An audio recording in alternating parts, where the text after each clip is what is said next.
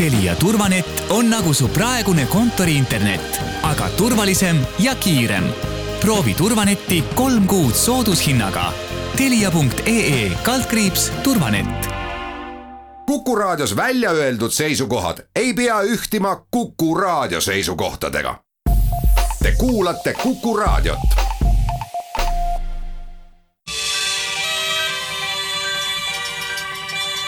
maatund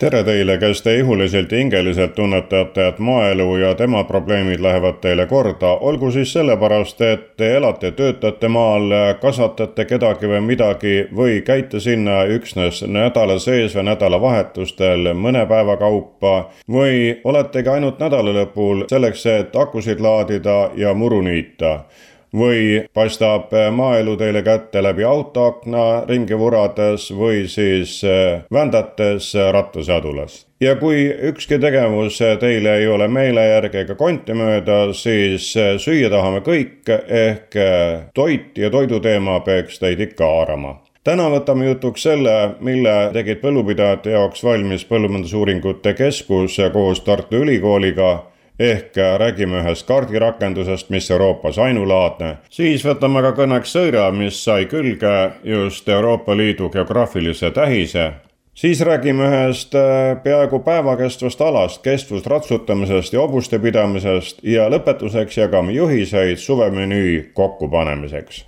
jutuohja hoiab Madis Ligi, laule valib Egon Pentjärv.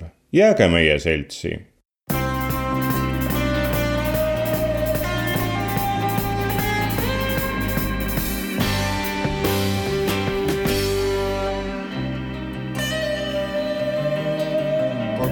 välja tee mind viis, heietasin mõtteid siis, rääkida, mis võiksin ma, milline ta on mu maa.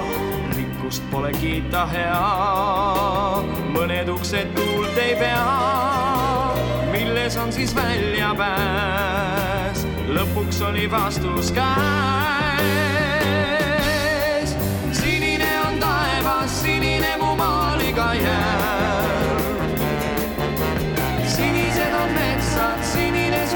Silmade värv. lumisena valge suvedi heledad sead. valged ka kõik pilved taeva sinipõhja peal.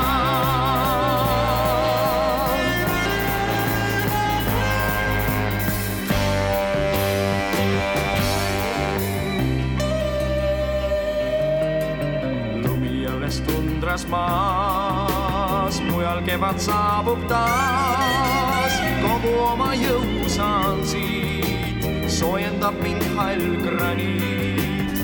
sosin igal kuusepuul, tervitusi kannab tuul, ilusam kui vikerkaar, sinivalge värvimaal.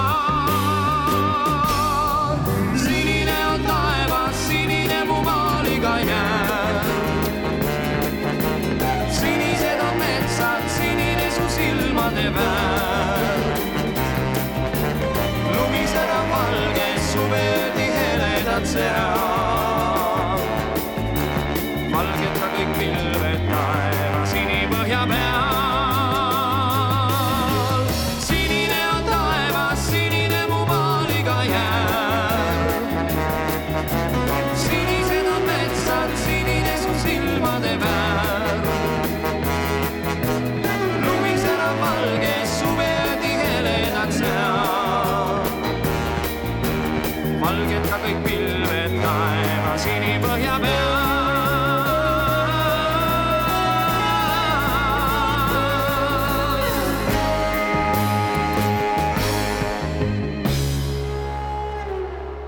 Nüüd tutvustame teile ühte uut kaardirakendust, mille Põllumajandusuuringute Keskus on välja töötanud ja teavet on selle kohta jagamas mullaseire uuringute büroo juhataja Priit Penu. mis siis valmis on saanud? ja see on nüüd järjekordne nii-öelda alamkaardi rakendus meie, meie kaardirakenduste perekonnast ja seekord oleme siis kogu oma tähelepanu pööranud ühele muldade degradeerumise või hävimise suurimale probleemile tänapäeval ja see on siis muldade erosioon. ehk mulla erosioon tähendab siis seda, kus kas siis vetega või tuulega või harimisega toimub siis viljaka mulla osakeste paigutamine ühest kohast teise ja meie siis keskendume siis antud rakendusel mulla veeerosioonile ja, ja see veeerosioon rakendubki siis äh, künklikel aladel, kus siis ülevalt äh, sademetena, mis iganes, tulevate nii-öelda vete mõjul uhutakse siis viljaka mulla osakesi ülemistest pinnavormidest allapoole, mille tagajärjel siis äh, paljudes kohtades võib muld lõplikult hävida, seda mitte küll Eestis, noh, võib-olla mõnel väga üksikul kohal, aga maailmas on see ikkagi muldade hävimise üks, üks suuremaid probleeme. Ja et seda noh, probleemi teadvustada, näidata ka Eestis, siis ongi see rakendus välja töötatud, nii et see on puhtalt suunatud mulla erosioonile. No kuna sel kevadel on kõvasti loputanud vihmapuudust, ei ole ükski Eestimaa kant pidanud tundma, ehk see kaardirakendus on saanud väga praktilise tõestuse koha.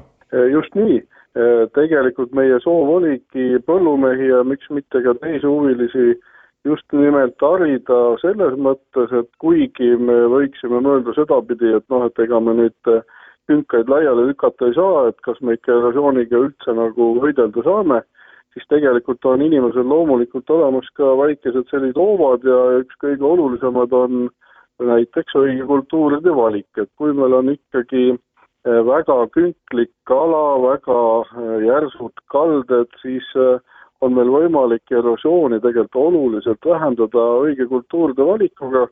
Ja noh, igaüks, kes meie kaardirakendusega nüüd tutvust teeb, siis saab aru, et sellistel aladel kindlasti mulla seisukohast kõige otstarbekam oleks kasvatada rohumakultuure, mis on siis mitmeaastased, mille kasvatamisel ei toimu nii-öelda mulla pööramist, ei ole ühtegi sellist hetke, kus muld oleks taimlattevaba ja sellisel juhul meil on võimalik erosiooni ulatust tegelikult oluliselt vähendada jah, nagu veevärgimehed ütlevad, et äh, kui need suured sajud äh, ja valangud on, et siis muru toimib ka nagu asfalt ehk äh, mööda seda jookseb vesi vuhinal minema.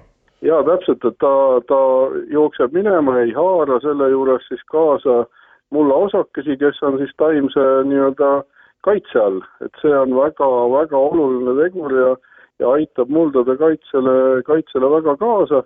Ja, ja selle jaoks me olemegi selle mudeli siis inimeste jaoks teinud nagu, nagu sellisel äh, väga lihtsaks, et selle, kui see rakendus avada, siis äh, siin paremal pool on igaühel siis võimalik äh, iga oma põllu kohta lülitada sisse erinevat kultuure ja vaadata näiteks, kuidas siis mõjub erosioonile see, kui seal taimi mitte kasvatada, näiteks hoida must kesas Eh, kuidas mõjub, kui suvivilja kasvatada, talivilja ja rohumaad. ja neid siis omavahel võrreldes tegelikult te näete, et millistel põlluosadel see erosioon kõige suurem on ja, ja sellistel päris halvematel juhtudel eh, tulekski kindlasti üle vaadata oma külvikorrad, et planeerida ikkagi nendesse suure ohuga piirkondadesse nüüd teised kultuurid, et tuleks kindlasti mõelda, et kui on kui on äh, järsk nõlv ja näiteks kerge lõimis, siis, äh, siis seal võib erosiooni ulatus olla, olla ka Eesti tingimustes päris suur ja just nimelt äh, saatejuhi viidatud kevadperioodil, kui veel noh, ülejäänud kultuurid ei ole ka õigesti nii-öelda tärganud, kasvama hakanud ja on nii-öelda tavakeeles siis paljas mullapind, et sellisel juhul võivad tulemused olla päris, päris nukrad, jah. Kuidas seda kaardirakendust kasutama pääseb, tuleb lihtsalt lüüa Põllumajandusuuringute Keskuse koduleht lahti ja sealt see üles otsida või tuleb veel midagi teha? ei, muud ei tule midagi teha, Põllumajandusuuringute Keskuse koduleheküljele, seal on meil siis äh, kohe äh, eraldi selline alamjaotus nagu teenused ja teenuste all ongi kaardirakendused. Ja sinna peale klõpsides siis tulebki ette meie, noh hetkel on meil siis meie perekonnas neli kaardirakendust ja seal ilusti kolmandal kohal on siis mulla erosiooni kaardirakendus, kui te selle avate, ja, ja hästi natukene ka kannatust, et ta, ta üsna kiirelt tegelikult avaneb, tuleb nii-öelda Eesti eh, teatud koht ette koos ortofotoga ja vot siis on teil võimalik eh, täitsa tavamõistes hiirega klõpsates ja, ja, ja Zoomi kasutades avada endale sobiv piirkond või täitsa oma põllumassiiv.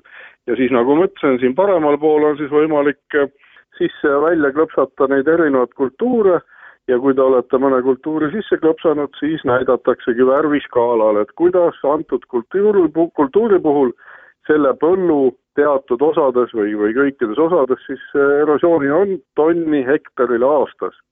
ja noh, ma võin kohe muidugi öelda seda, et kui algul tundub pilt väga kirju, siis äh, nii-öelda maailma või isegi Euroopa mastaabis tõepoolest, et Eestis on see probleem äh, suhteliselt vähetähtis üldises plaanis, aga on kindlasti kohti, kus ta on oluline ja ja võiks hakkama, hakata ikkagi vaatama nagu tõsiselt neid kohti, kus siis see erosioon ületab, ütleme siis nelja tonni hektaril aastas, et see on juba noh, väike selline nagu er-, eraldi veel midagi tegema ei pea, kui ta nüüd ületab juba siin viiteist, et mis on skaala nagu kõige viimane, et vot nende põlluosadega tuleks hakata küll mõtlema, et lihtsalt ma, ma toon nagu võrdluseks selle, et ähm, kui ütleme, tavaline mulla huumuskiht või künnikiht äh, sisaldab kuskil kolm tuhat tonni mulda ja meil aastas siis erosiooniga võib hävida viisteist tonni, noh, siis see tundub nagu väike, aga kui see on ikkagi pidev, siis me, me tunneme seda ikkagi, ikkagi juba teatud ühe inimpõlve jooksul, me kindlasti tunneme seda ka saagikuses. kuna tegemist on teenusega, siis tasub pärida sedagi, kas tuleb raha välja käia või saab selle muidu kätte ei, selle saab äh, täiesti muidu kätte, mingit raha vaja ei ole ja ja ma usun, et äh, kõik saavad siin nii-öelda oma teadmisi täiendada, võib-olla isegi iga põllumees saab oma põllu kohta huvitavamat infot, et ma, ma ütlen ka seda, et see meie, meie rakendus on, ma usun, Euroopas ka selles mõttes haruldane, et ta on üks täpsemaid, mida üldse saada on, ehk kui tavaliselt erosiooni äh, näidatakse sellise sada korda sada piksli täpsusega, siis meil on ta no kümme korda täpsem ehk kümme korda kümme. ja kindlasti tuleb siin ära mainida, et siin on meil koostöös, äh, toimus see kõik juba, juba me oleme valmistanud ette seda tegelikult kümme aastat koos Tartu Ülikooliga, nii et see on päris pikaajaline töö, aga ma arvan, et lõpptulemus on tõesti seda väärt, et et äh, see töö sai ette võetud ja, kõik saavad seda nüüd vaadata ja puhta tasuta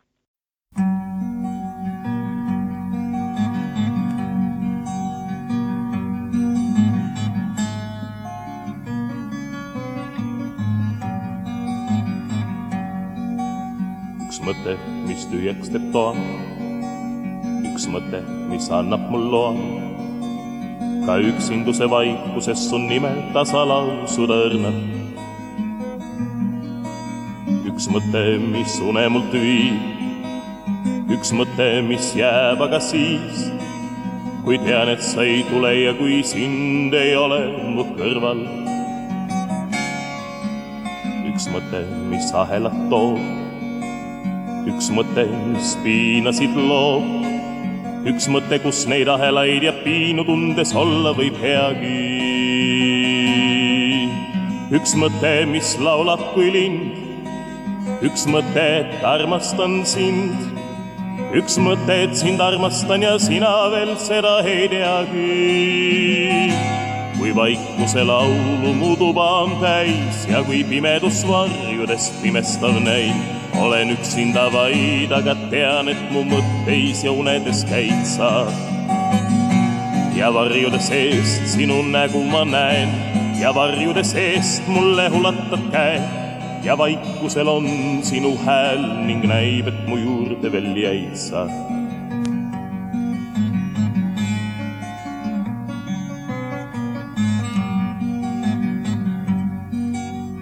mõte, mis magus kui vein mõte, mis kibe kui lein.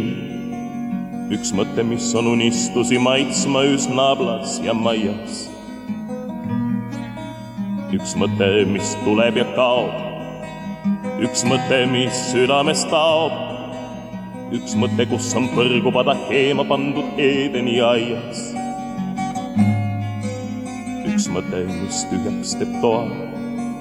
üks mõte, mis annab mul loa ka üksinduse vaikuses su nime tasa lausuda õrnalt.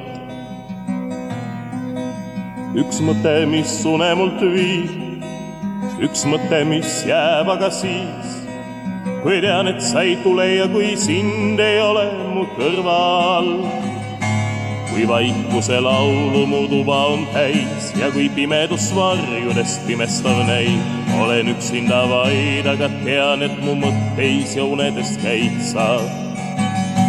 Ja varjude seest sinu nägu ma näen. Ja varjude seest mulle ulatad käe.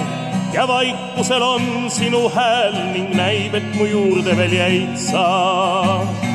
Kui vaikuse laulu mu tuba on täis ja kui pimedus varjudest pimestav näib, olen üksinda vaid, aga tean, et mu mõtteis ja unedes käid sa. ja varjude seest sinu nägu ma näen ja varjude seest mulle ulatad käe. Ja vaikusel on sinu hääl ning näib, et mu juurde veel jäid sa.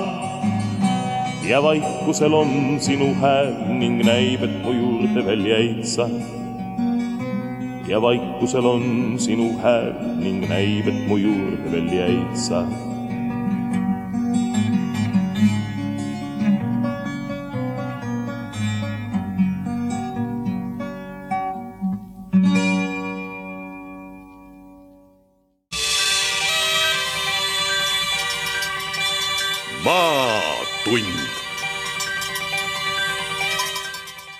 kuna meie sõir on saanud Euroopa Liidu käest geograafilise tähise, siis võtame selle nüüd jutuks ja vaatame natukene seda valdkonda ka laiemalt ja kutsun appi Maaeluministeeriumi peaspetsialisti Liis Raska. mida see märk siis sõirale juurde annab? no alguses ma võib-olla siis räägingi seda natukene laiemalt, et, et kuna siis Euroopa Liidus on palju konkreetse päritoluga ja hinnatud toidutooteid, on järk-järgult loodud äh, geograafiliste tähiste süsteem, mis võimaldab tooteid konkurentsi eest kaitsta. et näiteks siis äh, veinide puhul kehtestati sellised reeglid juba seitsmekümnendatel, aga siis põllumajandustoodete ja toidu puhul üheksakümnendate alguses. et ja siis selline geograafiliste tähiste süsteem äh, võimaldab siis äh, kaitstud nimetusega toodetel kasutada kolme kvaliteedimärki see siis peaks ära hoidma selle, et ei tehtaks nii-öelda petukaupa? jah, just, et kui on näiteks äh, väga hinnatud ja tuntud äh, toidutooted, äh, siis nende puhul näiteks aitab kvaliteedimärk tarbijale kinnitada, et tegemist on originaalse tootega. Ja tootja puhul on siis tegemist intellektuaalomandi kaitsega, geograafiline tähis on kollektiivne intellektuaalomand mida võib kasutada iga tootja, kes asub geograafilises piirkonnas ja siis toodab seda toodet traditsioonilise retsepti järgi. et need märgid kinnitavad, et tootel on eripärased omadused, mis on otseselt seotud päritolupiirkonnaga seega siis sellist sõira nagu Lõuna-Eestis eh, kusagil eh, mujal Euroopas ei tehta ja nüüd võib ta auga kanda seda Euroopa Liidu geograafilise tähise märki jah, just, et see geograafiline piirkond siis, kus tootmine võib toimuda, on Eesti kaguosas asuvad äh, kultuuripiirkonnad Vana-Võromaa ja Setomaa. et, et kui siin natukene täpsemalt nendest märkidest rääkida, et kuna on kolm erinevat märki, siis need nõuded on natukene erinevad et äh, punase ja kollasega päritolunimetuse kvaliteedimärgiga toote puhul peab kogu tooraine ja kogu tootmine olema toimunud piirkonnas, kust toode ajalooliselt pärineb. et siin näidetena võib tuua näiteks äh, šampanje, äh, parmigiano reggiano ehk parmesani juust, siis tegelikult nagu nimetusi tõlkida ei tohiks, et kindlasti esitlemisel tõlkida neid ei tohi et siis ma selle tõttu ka ütlesin pikalt välja, et Parmigiano Reggiano. ja sinise ja kollasega siis kaitstud äh, geograafilise tähise kvaliteedimärgiga toote kvaliteet või maine on seotud konkreetse geograafilise piirkonnaga. et see on siis see märk, äh, mis on meie Estonian vodkal ja, ja mis nüüd siis ka kahekümnendast juunist äh, meie sõiratoodete peal hakkab olema et, et selle märgi puhul on siis äh, tegelikult nõuetes äh, kirjas, et, et tooraine ei pea pärinema siis sellest geograafilisest piirkonnast. aga Estonian vodka puhul näiteks on nõuetes kirjas, et seda valmistatakse vaid Eestis kasvatatud rukkist, nisust või kartulist. ja sõira puhul Äh, on siis nõuetes välja toodud, et vaid köömned ja sool ei pea siis pärinema sellest äh, geograafilisest või päritolupiirkonnast, et tegelikult siis suurem osa toorainest äh, on siis pärit ka sellest konkreetsest piirkonnast.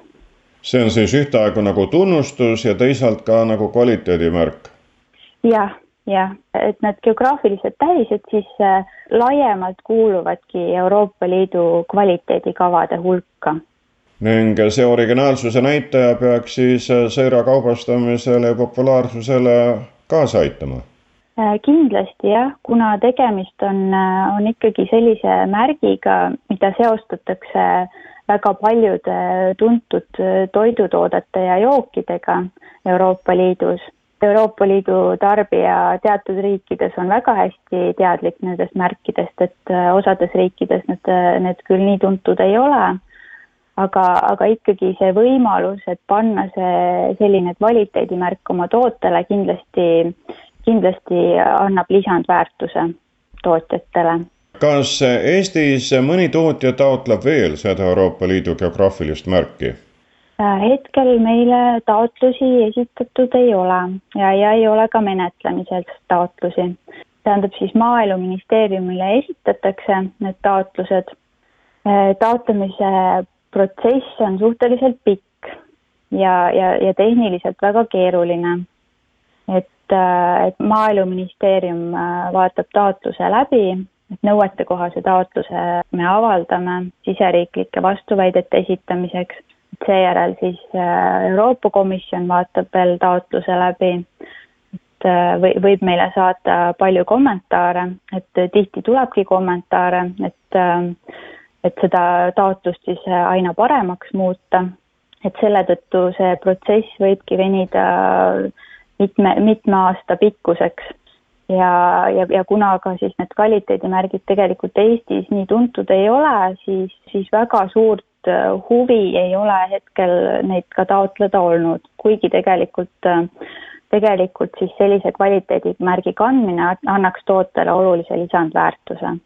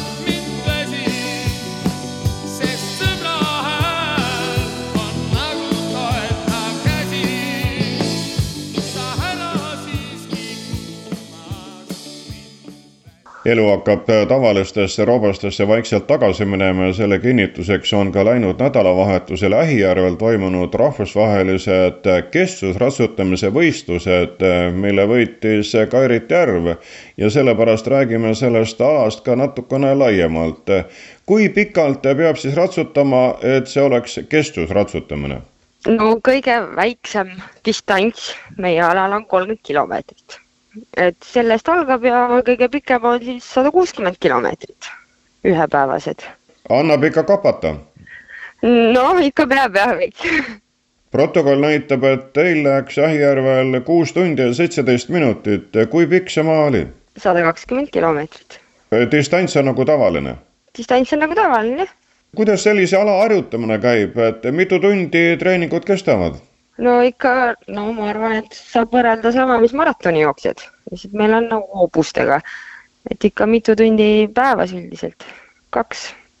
no kui inimene peab vastu, siis hobune peab ju ka vastu pidama, kas tal on nii kui maratonil on ka joogipunktid?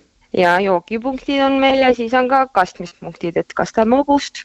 ma ei tea, kuidas inimestel maratoni jooksul on, kas nad kastavad ennast ka või mitte, aga kastame iga seal, kus tohib no aga soojematel aegadel ja maades on ka maratonijooksjatel dušid olemas, et saab sealt alt läbi minna, nii et teil siis no, no. samamoodi. meil on et... samamoodi, ainult jah, ise peab panema vett, duši ei ole. millised tõud on kestvusratsutamise jaoks eriti sobilikud? no kõige paremad on ikkagi araabia hobused, aga meil Eestis noh, kohalikudel sõidetakse ka täiesti tavaliste hobustega, ratsahobustega et iga hobune suudab seda sõita, kes on vähegi treeningus. ma mõtlen just neid väiksemaid kilomeetreid, kilomeetritega neid võistlusi. aga meil on põhimõtteliselt on araabia täisverelised hobused ja ka nende riistandid sellel Ähijärve võistlusel vaatan, esikolmikus on kõik naised, kus siis mehed on? hobused ei pea vastu meeste raskuse all ja naised siis harrastavad seda ala? no meil üks mees oli, Eigo Rohtla, et äh, üldiselt on meil Eestis on rohkem naisi, aga kui ikkagi maailmas vaadata, siis ikka on suht võrdselt. et maailmameistrid on üldiselt, see aasta läks ka meesterahvale Teie panite nüüd äh, võistluse kinni suisa kahes klassis. kui palju meil selle ala harrastajaid on ja kui sageli te siis mõõtu võtate? no eks meil äh, see aasta ei ole väga olnud midagi, kaks võistlust äkki on. üks oli enne, see oli talvel, siis kui ennem kõvemad piirangud tulid peale ja nüüd äh, enne seda oli just mai alguses. et Eesti meistrivõistlused on meil ikka kord aastas nagu iga muul alalgi ja rahvusvahelisi, ega meil Eestis palju neid ei ole. et kui tahad rahvusvahelist, siis tuleb ikka Euroopasse minna. olete viimastel aastatel seal ka käinud?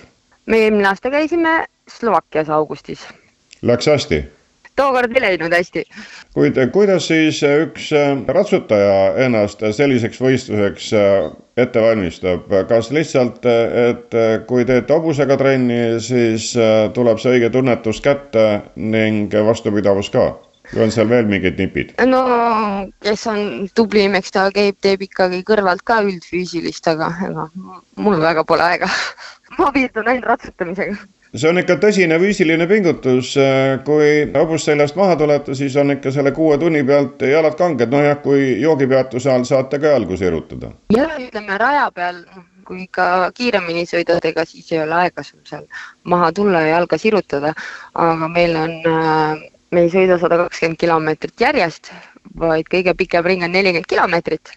üldiselt on see esimene ring nii pikk, siis meil on kohustuslik puhkepaus aga enne seda peab ka kohustuslikus äh, veterinaarkontrollist läbi saama sada kakskümmend kilomeetrit ratsutada, kas see rada on siis kuidagi tähistatud või olete nii kui orienteerija, teil on kompass ja äh, vaatate suunda? ei, meil kompassi ei ole, aga mõnel võib-olla on. rada on ikkagi märgistatud niitide äh, multega ja alati võib kaardi ka veel tasku panna, kui arvad, et äkki eksid ära, siis vähemalt tead, kus suunas sa oled äkki sellel Ahijärve võistlusel olid siis kolme riigi esindajad. Leedu oli ja, ja Soome oli. Karit Terv, te mitte üksnes ei võistle, ei treeni, vaid äh, tegelete ka iga päev talupargis hobustega. kas praegune aeg on selle ala harrastamiseks tavainimestele ka hea, et kas inimesed käivad äh, ka teil ja tahavad ratsutada hobustega olla? üldiselt meie nagu päris sellist teenust ei paku, et meil on endal kaheksa boksi kohta, kaks nendest on enda hobused ja ülejäänud on siis teiste hobused. ja need, kes enda hobused siia toovad, siis nemad siis ise ratsutavad oma hobustega. käivad tihedalt? noh, väga ei käi. õigemini kaks nendest on äh, nii-öelda, teevad ka sporti, et need äh, võistlesid ka Ähijärvel väiksemaid distantse, kolm nendest, kes mul on siin, on pensionärid, elavad, naudivad oma pensionipõlve. üks on kolmene noor hobune, ootab, millal tema saab hakata töösse minema.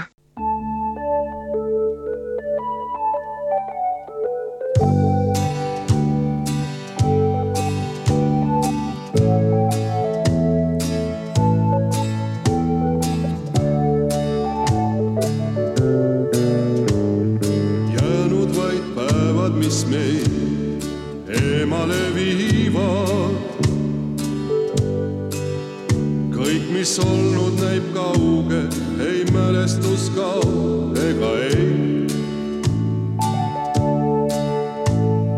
ühisel unelmail neid murtud on tiivad. peatselt valugi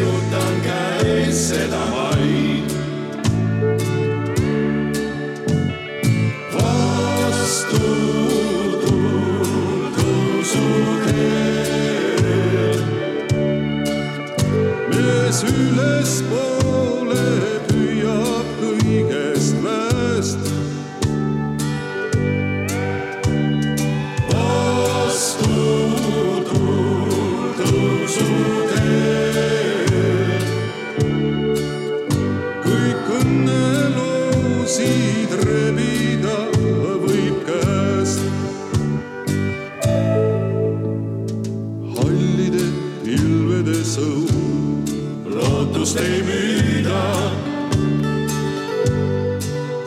jäägu kõik vanamoodi, me elame veel, pidu käib.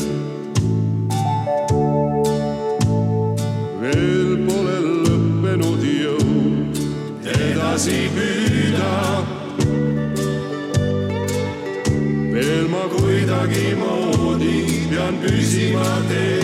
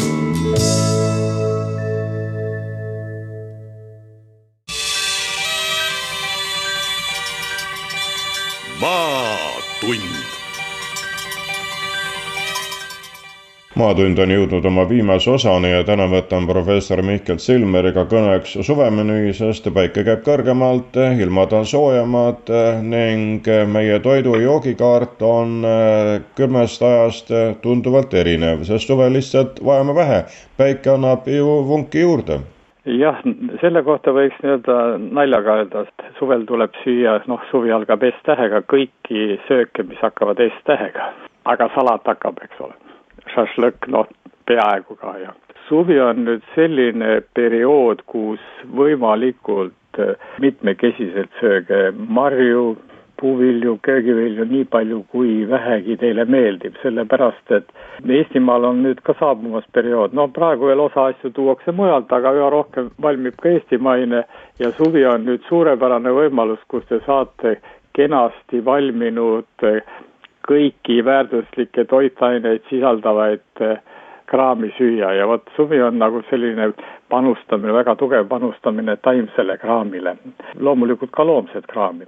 Nii et see on nagu esimene põhimõte, millest tasuks kinni pidada, nii et kui te teete ka grilliõhtu või, või grillite midagi, siis sinna väga mitmekesist igasugust puu- ja köögivilja juurde. see on nagu esimene põhine selline reegel, teine on suvel proovige järgi üks väga ilus asi. vaat talvel te võite ka kama süüa, aga talvel nagu kama on ikkagi noh, ilm on jahedam ja külmem ja ega kama nii-öelda igapäevane lemmik ei ole suvel on nüüd jälle suurepärane võimalus, Eestimaal valmistatakse väga erinevaid kammajahusid, väga erineva koostisega. vot proovige nüüd suvel rahulikult järgi kõik need erinevad kamad ja kindlasti tuleb siis segada ka siis hapupiimaga, noh näiteks keefiriga, helluse keefir sobib väga hästi või ka peti sisse. Niipea, kui te teete endale hommikuks sellise kama variandi, kus te kasutate siis lisandusena sinna piimatoodet, mille sisse te segate, siis täiesti kindlasti te saate ühe, pange nüüd tähele, väga hästi seeditava närimisvaeva ei ole, ta on juba peenestatud kraam.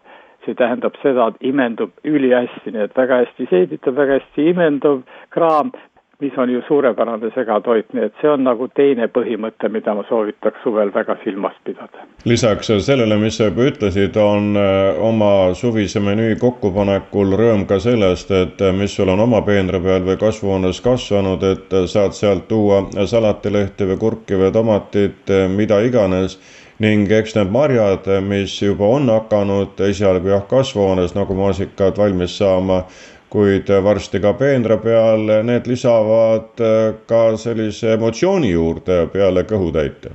Väga õige, ma just tahtsin, sa nagu aimasid Madis ära, ma tahtsin just öelda, et vaadake, kui te suvel seda värvilist kraami sööte, siis te ju esimese pilgu, mis te heidate maasikatele, vaarikatele, mustikatele, mida iialgi redisele, siis sealt te saate juba aju jaoks esimese positiivse emotsiooni ja söömise üks väga tähtis külg ongi, et te saaksite hea emotsiooni juba, sest see emotsioon pluss nüüd suhu sattuv toidukraamist tulev maitse, sellest aju paneb kokku nii-öelda parima variandi selleks, et see toit väga kenasti aktsepteerida ja tema efekt oleks nii-öelda süsteemne, nii et äärmiselt õige, jah pärast kõike seda, mis on olnud, äh, siis äh, pakub äh, see söömine ja toidu tegemine ja seltskond veel erilist lõbu, sellepärast et tükk aega ei ole saanud suhelda, nii nagu tavaliselt. suvel on aga aega, saab vahet hoida ning nautida ilma inimesi ja sööki ja jooki. Ja väga õige, nüüd sellega on nüüd selline asi, me sinuga oleme alati optimistid ja, ja ma ei karda, et nüüd, kui kõik reeglid ära võeti või no ütleme, põhilised kitsendused ära võeti, et nüüd inimesed pääsevad nagu paisu tagant ja korraldavad metsikuid koosolevaid söömisorgiaid. seda ei juhtu, no võib-olla üks päev juhtub see, et noh, et nüüd saab sõpradega kokku ja teeme mingisuguse grillipeo ja sööme kõvasti. selle kohta ma ütleks niimoodi ärge nüüd selle pärast muretsege, et kui te nüüd noh, ütleme nagu vabadusse pääsedes saate nüüd teha, no ütleme, sotsiaalses mõttes väga tähtsa suhtluse ja, ja grillipeo, et kui te nüüd natuke kipute seal rohkem sööma, siis ühekordsed, kahekordsed nii-öelda natuke rohkem söömised ei jäta teile mitte mingisugust negatiivset jälge. noh, võib-olla jah, antud õhtul on kõht natuke rohkem täis, aga see ei mõjuta teid halvasti üldse. küll ma ütleks nende grillimiste asjade kohta ja, ja liha tarbimise kohta suvel, et, et seal ei tasu nagu väga hoogu minna, sest liha on meile väga vajalik. ka aasta läbi töötab ikka selline reegel, et nädalas korra võiks loomaliha olla, no võib ka kahe nädala jooksul korra üks tükk. noh, kanaliha võiks olla ka nädalas, aga siiski suvel nagu tasuks väga seda aspekti silmas pidada, et tõstke suvel ikkagi esiplaanile kala, sellepärast et te liigute ka Eestis palju ringi, te saate juba osta, tee ääres on igasugused kalamüüjad, nii edasi, ja te saate suhteliselt hästi igasugust kala osta, noh ka poodidest, nii et suvel nagu selline loomses kraamis tooge väga tugevalt esile just kala, erinevate kalade söömine. kui natuke võtta ajalugu tagasi, noh vaadata, kuidas meie esivanemad väga-väga ammu sõid, siis nendel oli väga au sees hapendatud piimatoodete kasutamine suvel. muuseas äärmiselt taiplik tegevus, sellepärast et suvel paratamatult on vaja ka vett rohkem saada, noh, mitte palju, aga vett rohkem saada hapendatud piimatoodetes on see kenasti olemas ja seal on muidugi kõrgväärtuslikud valgud. veel ühe asja ma ütlen nüüd kalale juurde, et vaat suvi on nüüd see koht, kus kindlasti on mõistlik, kui te kala muretsete, siis suvel võite tähelepanu pöörata ka soolakalale. noh, soolakala ei pea palju sööma, aga suvel on ta eriti mõistlik, sest paratamatult inimene suvel higistab rohkem ja noh, teatud mõttes on vaja soolasid asendada, nii et suvel nagu soolakala on kindlasti noh, selles mõttes rohkem fookuses kui talvel, aga noh, kala igas variandis kallid kuulajad, kokkuvõtte korras seda, et täna andsime teile teada, et valminud on uus kaardirakendus, millest tõuseb tulu põllupidajatele, kes oma valdustest ja nende olukorrast parema ülevaate saavad. Ja selle kohta jagas selgitusi Põllumajandusuuringute Keskuse mullaseire ja uuringute büroo juhataja Priit Penu seoses sellega, et meie sõir sai Euroopa Liidu geograafilise märgise tähistuse, rääkisime sellest tunnustusest natukene laiemalt, mida Euroliit jagab ja teavet andis Maaeluministeeriumi peaspetsialist Liis Raska. Eesti, Leedu ja Soome kestvusratsutajate jõuproovi taustal, mis toimus läinud nädalavahetusel Karula kandis, rääkisime sellest tunde kestvast alast ja ka hobuste pidamisest ülevaate saime ka Erit Järve käest. Tartu Ülikooli professor Mihkel Silmer kandis nõu, kuidas suvemenüüd kokku panna. saate pani kokku Madis Ligi, laulud valis Egon Pentjärv. aitäh kuulamast, olge töökad ja terved ning nautige kevadet, mis nüüd mitu päeva suisa suvine